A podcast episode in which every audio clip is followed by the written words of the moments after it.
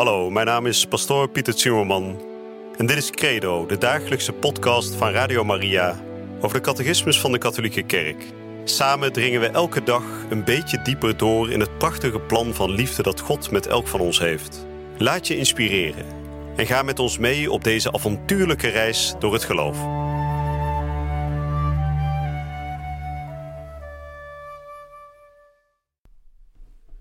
Broeders en zusters, beste luisteraars.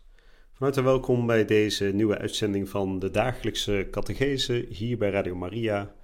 Een programma waarin we in twee jaar tijd een volledig overzicht willen geven van ons rijke geloof.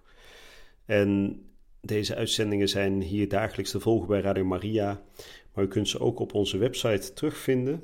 En het is eigenlijk een prachtige cursus op deze manier um, voor diegenen die hun geloof verder willen verdiepen, maar misschien ook wel voor degenen die um, helemaal nieuw zijn in de kerk of die gewoon wat willen snuffelen aan het geloof. De catechismus geeft namelijk een totaalbeeld van alle belangrijke punten van ons geloof. Dus elk thema wat u maar kunt bedenken, komt in de catechismus aan bod. En daarom is het een hele kostbare schat dat we dat nu ook uh, gesproken hebben voor de radio. Um, en dat u zelf dan dat dikke boek er niet bij hoeft te pakken, maar dat u gewoon de podcast aan kunt zetten of hier uh, dagelijks bij Radio Maria even de radio aanzet, om op die manier u helemaal te laten scholen in die prachtige leer van onze kerk. En we zijn deze uitzendingen begonnen met de opmerking, de openingszin van de catechismus, namelijk dat God kennen eeuwig leven betekent.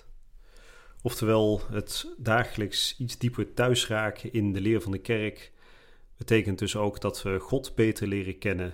En dat betekent dat we al iets meer deelgenoten worden van het eeuwige leven.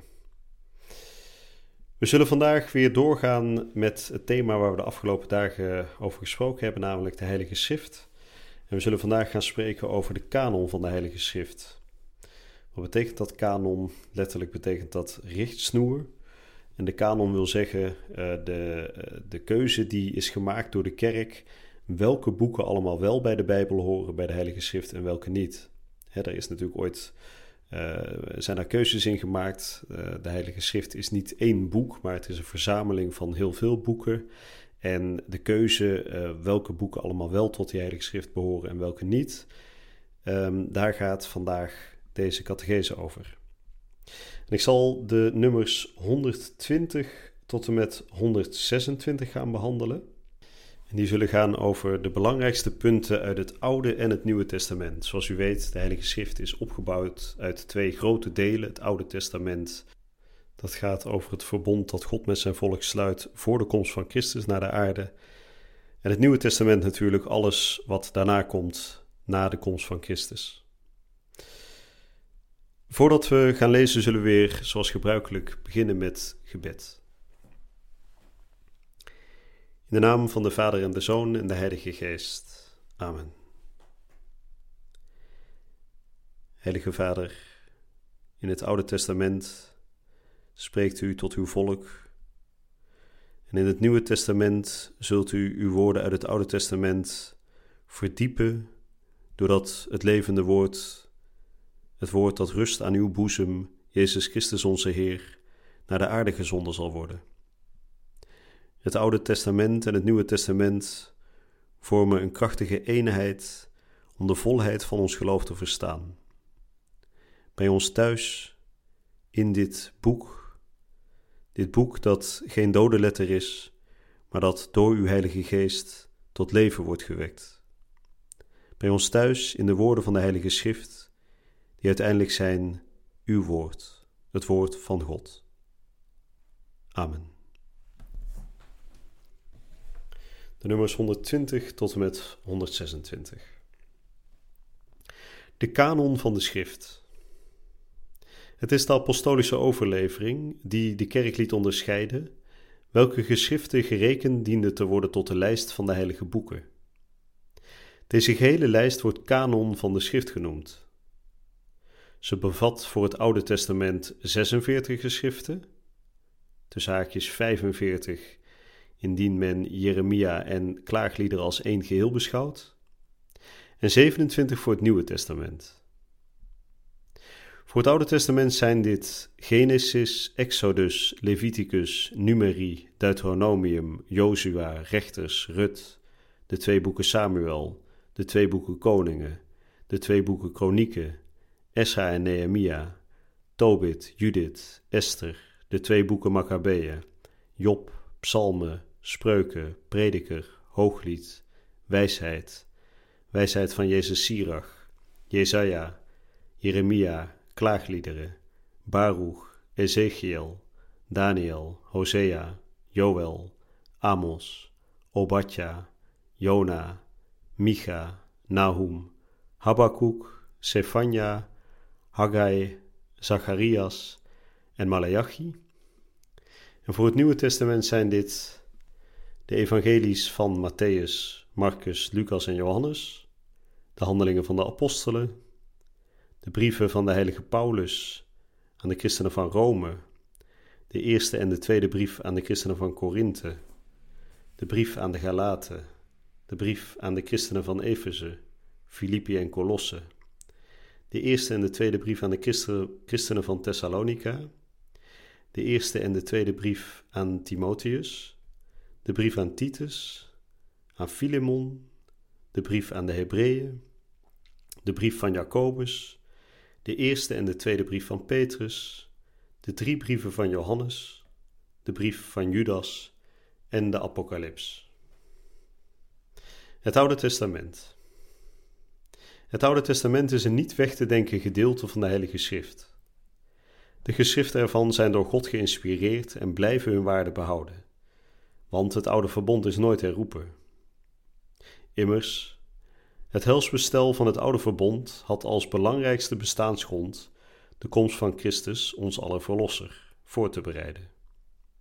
Ofschoon die boeken ook onvolmaakte en tijdgebonden zaken bevatten, leggen de boeken van het Oude Testament getuigenis af van heel de goddelijke pedagogie, van de reddende liefde van God. Hierin ligt een verheven leer over God, een weldadige wijsheid over het leven van de mens, een wonderenswaardige rijkdom aan gebeden en tenslotte het geheim van ons hel verborgen.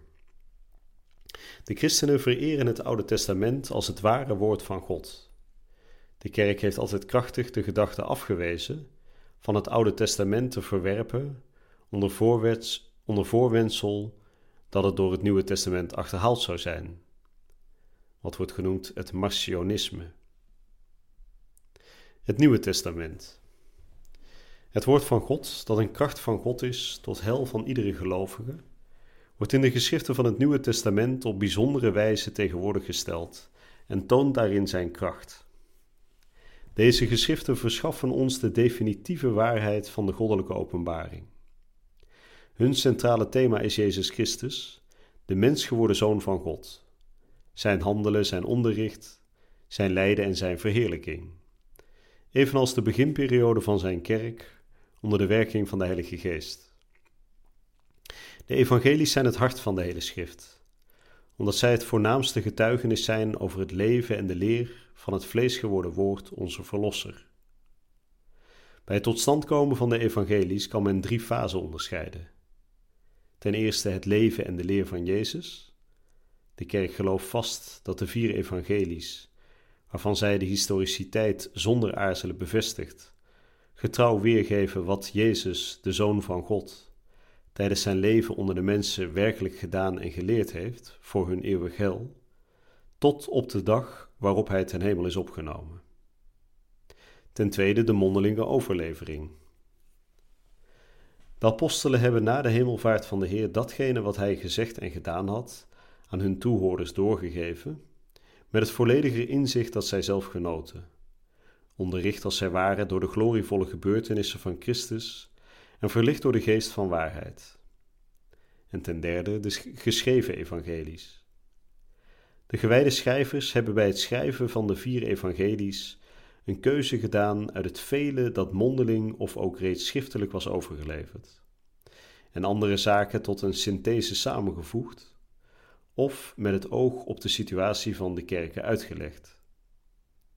Ten slotte hebben zij de vorm van de prediking behouden, altijd zo dat zij ons de zuivere waarheid over Jezus meedeelde. Nou, dat waren de nummers 120 tot en met 126. Er werd eerst gesproken over alle boeken van het Oude Testament, daarna alle boeken van het Nieuwe Testament, de kanon, zoals we dat noemen, de richtlijn. Deze boeken behoren volgens de katholieke kerk tot wat wij noemen de Heilige Schrift. En dan werd er vervolgens gezegd dat het Oude Testament nog steeds van kracht is. Dus dat is niet opgeheven door het Nieuwe Testament. Nee, het heeft zijn vervulling bereikt. En het Oude Testament is een hele goede voorbereiding op het lezen van het Nieuwe Testament als het ware, hè, net zoals bij een, een gerecht we altijd, of bij een maaltijd we altijd eerst een voorgerecht nemen. Zo zou je kunnen zeggen dat het Oude Testament het voorgerecht is bij het hoofdgerecht dat het Nieuwe Testament is. Want in het Nieuwe Testament, en dan met name in de Evangeliën, ligt het hart van de hele Bijbel. nou, dan wordt er tot slot nog genoemd hoe de evangelies tot stand zijn gekomen. Hè. Ten eerste het leven en de leer van Jezus zelf, hè, toen hij op aarde was alles wat hij heeft gezegd en heeft gedaan. Ten tweede de mondelinge overlevering, hè, dus de begintijd van de kerk. Uh, was er nog niks op schrift gezet over uh, het handelen en spreken van Jezus, maar was het allemaal van mond op mond werd het doorgezegd. En ten derde werd het pas opgeschreven. En dat was pas jaren na de dood en de vrijzenis van Jezus. Nou, dat was een um, korte samenvatting, ik zal het niet te lang maken. En bij de volgende uitzending zullen we hier nog verder op doorgaan, de kanon van de Heilige Schrift. En we zullen nog meer gaan stilstaan bij de eenheid die er is tussen het Oude en het Nieuwe Testament. En ik hoop u dan ook bij de volgende uitzending weer hier te ontmoeten bij Radio Maria. Je luisterde naar Credo, de dagelijkse podcast van Radio Maria over de catechismus van de Katholieke Kerk. Credo is iedere werkdag te beluisteren op Radio Maria. Maar je kunt de afleveringen ook in je eigen tempo terugluisteren op onze website, in de app of op Spotify en de andere platforms. Via de website radiomaria.nl vind je dagelijks de link om de bijbehorende teksten uit de catechismus mee of terug te lezen. We zijn erg dankbaar voor alle giften die wij mogen ontvangen. Daardoor kunnen we ons goede werk blijven doen. Draag je ook bij aan deze missie?